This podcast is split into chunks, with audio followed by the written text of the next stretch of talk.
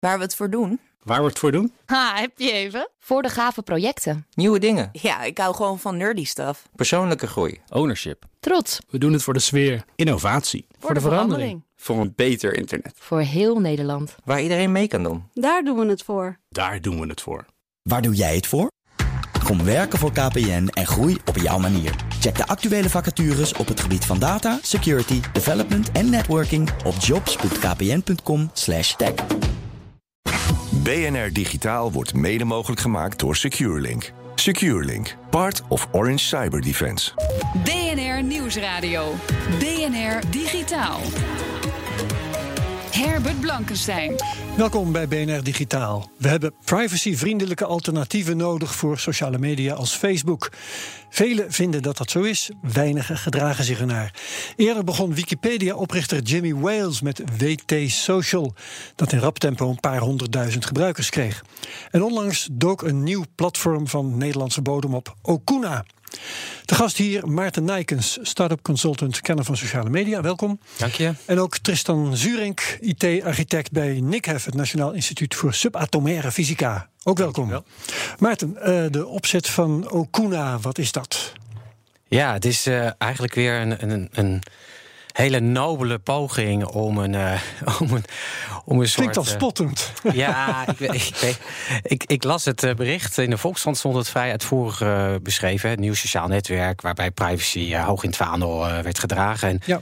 En ik merk, misschien komt het ook wel door mijn leeftijd. Ik ben onlangs 41 geworden, maar ik, ik werd er inderdaad een beetje cynisch van. Ik denk, goh, dit, dit, dit bericht, als ik ga googlen, vind ik dit soort persberichten in, in tienvoud. Je bent privacy moe.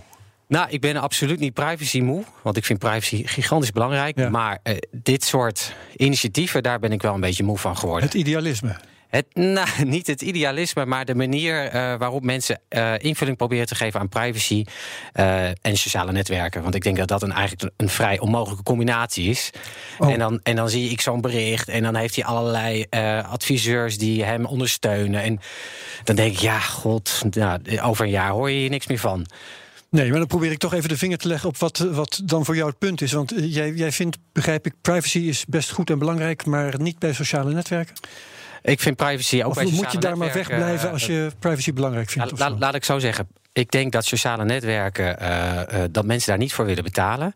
En daar wel voor willen betalen met hun privacy. En uh, daar ben ik het niet per definitie mee eens. Maar ik denk wel dat de grosso modo de, de mens op aarde zo sociale media tot zich neemt. En dan zie ik vaak weer nieuwe initiatieven zeggen: ja, we gaan geen banners adverteren. Of we, we, wisselen geen data uit met, met de andere partijen.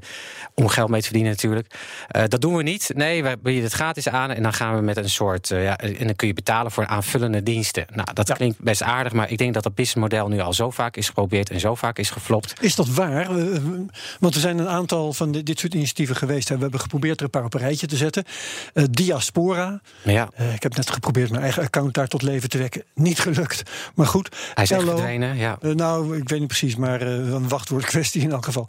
Diaspora, Ello, Peach, Mastodon is een Twitter-variant, Vero, Path en nu dus WT Social en, en Okuna. Cocoon heb je ook nog. Ja, die, is net, uh, die heeft net weer 3 miljoen opgehaald. Dus Ja. op zich, dat lukt vaak nog wel. Maar dat, uh, ik dacht juist dat bij Okuna, de, dat freemium model, dat je gratis accounts hebt en wil je meer, bijvoorbeeld meer video uploaden, was een voorbeeld, dat, dat je daar dan voor betaalt, dat dat wel redelijk nieuw was. Dat herinner ik me niet eerder gezien te hebben. Nee, nou, nee. Ik moet zeggen, bij Okuna, het is vooral nu nog een ronkend persbericht. Hè? Want volgens mij uh, waar. gaan er al een aantal jaren uh, berichten dat zij live zouden gaan. En, en dat gebeurt zo? maar niet. Ja, want ik zat er even op te googlen.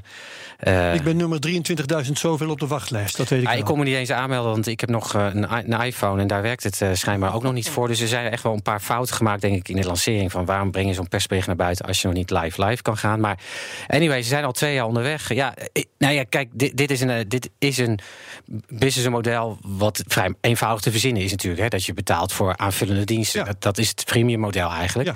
Alleen, ik zie elke keer weer dat, dat, dat de massa dat niet wil. En, Ja, eh, maar dat hoeft ook niet, want uh, als een bescheiden aantal mensen die uh, 60 uh, euro, wat wordt het, gaat betalen, Ja, maar hier ga, ja, komt het misschien ja. wel uit. Ja, nee, maar, die, dat, ja, dat, maar dat werkt dus niet, denk ik. Want ik denk dat sociale media wel altijd draait om de kracht van de massa. Het heet sociaal, dus het betekent eigenlijk dat je een vrij grote groep eh, tot, eh, tot je wil nemen. Ja. Ehm, ja, dus ik zie dan, ja, dan zie ik het weer niet. En Cocoon zit dan weer op het pad inderdaad van, hè, zoals Pef dat ooit ook heeft geprobeerd, hè, met een vrij selecte groep aan familie en vrienden op de app. Het, het is een soort Groundhog Day elke keer als ik die berichten lees. ik denk, ja, het is elke keer alweer geprobeerd. En natuurlijk, elke keer is het net iets anders. Maar ik denk dan altijd wel een beetje, dat is dan ook die marketeer in mij, van welk probleem proberen we hier nou precies op te lossen? Het Kijk, probleem van de privacy. en, ja, maar dan zeg ik dat probleem van die privacy is eigenlijk maar voor een bijzonder kleine groep in de samenleving echt een probleem. Voor mij is het probleem, voor Tristan is het probleem. hè. Daarom wil hij terecht ook de webcams uitstaan. Voor jou denk ik ook. We hebben het hier vaak in de uitzending over gehad. Maar voor de massa is het geen probleem. Ja. Hoe spijtig ik dat ook vind, hè? laat dat voorop staan. Ja, ehm, maar wat wel waar is, denk ik, eh, ehm, een geleidelijk toch wel toenemend aantal mensen vindt het een probleem. En het eh, grappige met, met internetbedrijven is dat je heel vaak ziet dat een bepaald, eh, be- bepaald eh, soort van dienst in de geschiedenis een aantal keren wordt geprobeerd. En de eerste twee, drie keer mislukt het. En de vierde keer, bam, is opeens staan alle vlaggetjes in de juiste richting. Ja. En lukt het opeens wel. Dat kan natuurlijk. Nee, dat kan. En dat verklaart ook waarom, zeker in Amerika, er zo nu dan weer een paar miljoen in zo'n initiatief wordt gestort. Ja. Want anders kan ik het in eerlijkheid niet verklaren. Maar ik denk dat dit al misschien al 50 keer is geprobeerd op deze manier hoor. ik zou heb natuurlijk bij ja. Hives gewerkt. En, en ook in die tijd had je, de, eh, had je dat eh, verhaal. En kwamen er ook weer initiatieven op eh, tegen, tegen Hives. En, dat en- niet en juist privacy nodig om te mislukken? Ja, en wij hadden trouwens vrij, een vrij goede privacy statement. Maar ja, iedereen ging toch lekker naar, eh, eh, naar Facebook. Dus ja, ik ben er misschien eh, wat getraumatiseerd door. Want ik vind het wel degelijk heel belangrijk. Ik denk alleen dat het er vanuit een hele andere invalshoek zou moeten komen. Dus echt regelgeving, wetgeving. Eh, dat daar vanuit de Europese Unie bijvoorbeeld veel meer naar privacy. En, en dat, daar zijn ze al mee bezig, maar dat het nog veel sterker kan. En dat er dan misschien wel ruimte komt voor nieuwe initiatieven. Maar op deze manier, ja, ik, ik, ik hoop het. Ik ben heel benieuwd. Ik kon het niet installeren, dus ik heb het nog niet kunnen bekijken. Maar ik denk toch, als ik elke keer kijk naar mijn kennissenkring... en mijn vrienden met wie ik veel omga... met wie je dus op sociale media dingen zou kunnen delen... ja, die interesseert het eigenlijk niet. Nee, en die regelgeving, dat, dat zeg jij terecht, eh, daar zou het van kunnen komen. ehm, die, die nadert wel, denk je niet? De, de geesten worden daar langzaam wat rijp voor. Want je zegt, voor mij is het belangrijk, voor jou is het belangrijk, enzovoort. Voor een toenemend aantal politici is het belangrijk. Die zijn dan misschien niet representatief voor het Nederlandse volk... maar ze, politici beginnen het wel te zien. Ja. Eh, denk aan GDPR, eh, allerlei wetgeving komt erdoor... die met privacy te maken heeft. Ja. Dus wie weet... Nee, dat klopt. Ik zie daar ruimte ontstaan. Alleen dan nog ben ik wel heel benieuwd hoe dat verdienmodel nu, zo'n freemium plus voor sociale media met al die concurrenten in de markt. Kijk, ik zeg altijd tegen mensen: er, vindt best veel innovatie plaats hè, op dit vlak. Alleen niet in die niche van privacy. Ik zie het echt nog als een niche, die markt van privacy. ja. En want je ziet wel TikTok, Instagram, WhatsApp, nou, eindeloos veel initiatieven. Die, die wel wat weg kunnen trekken bij Facebook. Of Facebook koopt het natuurlijk hè, in heel veel instanties. Ja. Dus er gebeurt wel degelijk wat. Alleen in die niche van privacy. Ja, dat is echt een niche. Ja, zie ik hem maar nog niet. Ja, het aantal gebruikers van Facebook loopt terug. Is dat geen in Ja, dat, Nederland eh, dan dat- tenminste? hè? Is dat geen teken aan de wand? Nou ja, nee, want Facebook heeft Instagram. Dus al die gebruikers Ja, gaan naar Instagram. Dus ik vind het altijd grappig als mensen inderdaad met dat. De, mensen die zeggen: ja, het gaat niet zo goed met Facebook. Ja, Facebook heeft en WhatsApp en Instagram. Kijk maar naar Wat de aandelenkoers, dan eh, weet je Ja, hoe goed ze het zijn gaat volgens mij nog steeds blij en, eh, en spuiten champagne alle kanten op. Tim Berners-Lee, de oprichter van het web, de oprichter, bedenker van het web zo ongeveer, ehm, kwam afgelopen weekend met een contract for the web. Ja, Negen eh, maatregelen, aandachtspunten, waarmee dan onder andere die privacy zou moeten worden verbeterd. En Rara, wie tekenen er als eerste? Facebook en Google. sowieso. Ja, die staan Ja. voorop. Ja, nee, fantastisch. zo'n initiatief? Nee, fantastisch initiatief. Alleen het is een initiatief. En, eh, en- en, Vrijblijvend. Het is super vrijblijvend. En Ja. ik, eh, ik had toevallig deze week een nieuwe aflevering van de satire Silicon Valley gekeken. Daar, daar werd dit als satire Oh, is opgevoerd. er een nieuwe serie uit? Ja, er is een nieuwe serie Och, van uit. gauw even En daar werd dit als satire opgevoerd. Dat er dus weer een soort document kwam met allerlei beginselen. En tuurlijk, al die bedrijven gingen meteen tekenen. Want die zeiden tegen elkaar, ja, Ja. het is super vrijblijvend. En dat is het grote probleem. Woolly voorop, hè? De- Ja, en daarom weer die, die- dat regulatory framework hè, in de US. Ja. Er gebeurt er nu heel veel in de EU, g- gelukkig ook. Maar daar moet het beginnen. En dan is dit eh, fantastisch initiatief, maar het zegt gewoon niks. Nee. Um, dus als je de privacy van de, van de gebruiker van sociale media wil vergroten, um, moet je dan Facebook harder aanpakken? Of moet je op een of andere manier die innovatie, waarvan je zegt dat het toch wel gebeurt, gaan nou, stimuleren? Nou. Ja, ik denk uiteindelijk Facebook harder aanpakken sowieso. Ik denk ook het opbreken van dit soort bedrijven sowieso. Ze zijn Nederlandse juridictie hadden dat moeten Nou ja, kijk, kijk hoe het vroeger met Microsoft en dergelijke partijen wel, wel gelukt is. Hè. En Google is, uh, is nu ook uh, onder het vergrootglas. Dus ik vind het opbreken van een Facebook in ieder geval dat ze niet en Facebook en WhatsApp en Instagram kunnen zijn. Nou, vind ik helemaal niet zo onmogelijk. Nee. Ja denk, En daar zit natuurlijk het grote probleem met privacy. Hè. Privacy uh, is natuurlijk een opeenstapeling van gigantisch veel data. Ja, en daar zit het grote probleem, vind ik. En nou, dat opbreken zou een mooi begin zijn. En dan kun je misschien uh, nieuwe initiatieven, zoals deze, een betere kans geven. Ik hoop dat er naar je wordt geluisterd. Dankjewel, Maarten Nijkens. De natuurkundige deeltjes in de deeltjesversneller van CERN zijn minuscuul. Maar de hoeveelheid data die eruit komt is astronomisch. Zo direct in BNR Digitaal. BNR Nieuwsradio. BNR Digitaal. Welkom terug bij BNR Digitaal. NICEF, het Instituut voor Kernfysica, bereidt zich voor op een gigantische stroom data die hun kant op gaat komen na de herstart van de Large Hadron Collider, de deeltjesversneller van CERN bij Genève. Op basis van die grote bak met informatie wordt vervolgens onderzoek gedaan naar de kleinste natuurkundige deeltjes. De gast hier Tristan Zurink, IT-architect bij NICEF. Hallo. Dank u. En Maarten Nijken, start-up consultant, is er ook nog. Uh, Tristan, uh, kun je even in het kort vertellen, ja, dat zou ook waarschijnlijk twee uur mogen duren. Uh, wat het NICHEF doet. Wij zijn als fundamenteel onderzoek. Nou, als fundamenteel onderzoeksinstituut zijn we op zoek naar de uh, bouwstenen van het universum. Dat is mooi kort. Ja, ja. maar wel begrijpelijk. Zeg ja. maar de grote lege doos, alles uit bestaat. Zeg. Dit begrijp ik. Dat is mooi. Dus dat is alvast gelukt. Uh, jullie maken deel uit van een groter netwerk. Uh, niet alleen qua data, maar ook wetenschappelijk netwerk gesproken. Um, daar is het CERN het middelpunt van. Um, kun je uitleggen hoe dat netwerk ongeveer in elkaar zit? Wie horen daarbij? Nou, je moet denken aan zeg maar, de grote instituten zoals een Fermilab, naar CERN zelf, het uh, KEK in uh, Japan. Maar in Fermilab is in Amerika, hè? Als ja, Fermilab zit in Amerika, dus was vroeger de concurrent van CERN en tegenwoordig werkt het mee samen.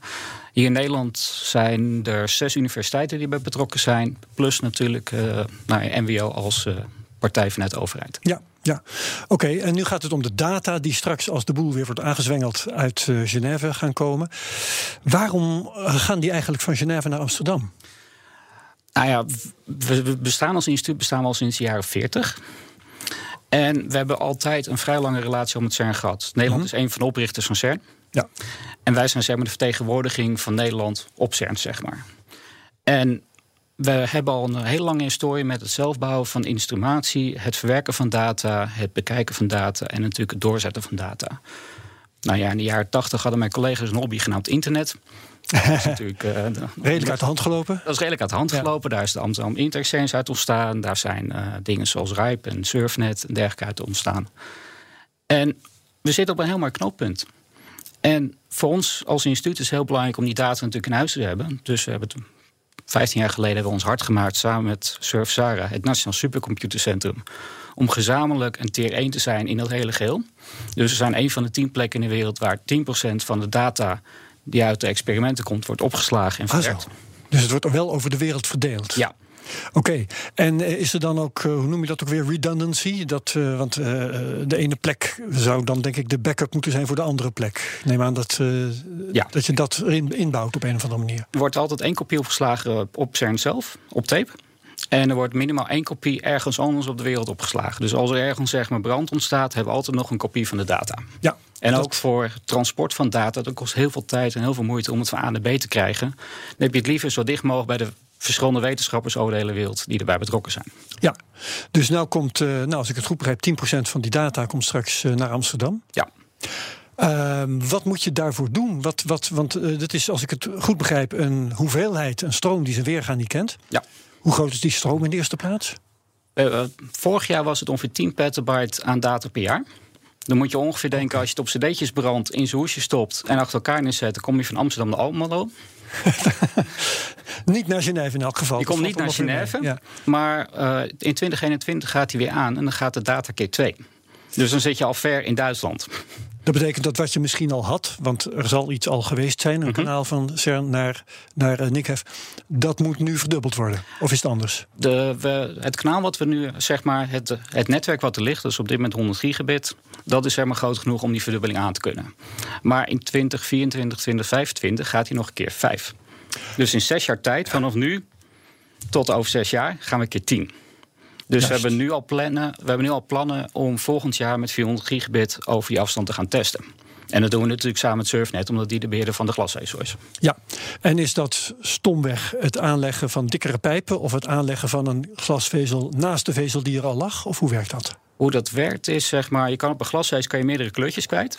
En op die manier kan je dus op meerdere frequenties naast elkaar, net zoals met radio, dat je natuurlijk kan kiezen tussen verschillende stations in dezelfde ether, kan je dus meerdere kleurtjes naast elkaar neerzetten. En op elk kleurtje kan je dus weer een aparte datastroom zetten. Wat we wel hebben gedaan is dat de glasvezel, de oorspronkelijke glasvezel kwam uit de jaren 90 en die was van een nou ja, niet meer zo geweldige kwaliteit naar huidige standaarden. Dus vorig jaar is wel de glasvezel vervangen. En dat is ook letterlijk gewoon beginnen met graven in Amsterdam helemaal tot aan Genève. Eén, één geul, bij wijze van spreken? Bij wijze van, ja. Maar niet Zo. alleen hiervoor, toch? Ja. Of was het, oh, jezus, nou, dat is een aardige investering, lijkt me. Het is een aardige investering, ja. En natuurlijk zijn er heel veel, uh, heel veel stukken lager er al, dus die zijn hergebruikt. Maar ze zijn wel allemaal aan elkaar gelast, zodat het één lange kabel wordt. Weet je? Met wat versterkers ertussen, omdat het licht maar 150 kilometer ver kan ongeveer. En waar, waar komt dan de financiële stroom vandaan om dit... Uh... Nou ja, uiteindelijk vanuit de overheid. Okay. Ik wilde dus vragen, wat kost dat? Ja, ja. ik zeg het wat netjes. Enig idee, Tristan? Volgens mij wel een paar miljoen, ja. Nou ja, kijk, je weet het, het niet zijn, precies. Ik weet niet precies hoeveel nee. het kost, want dat zijn dingen die natuurlijk Surfnet Fonds regelt.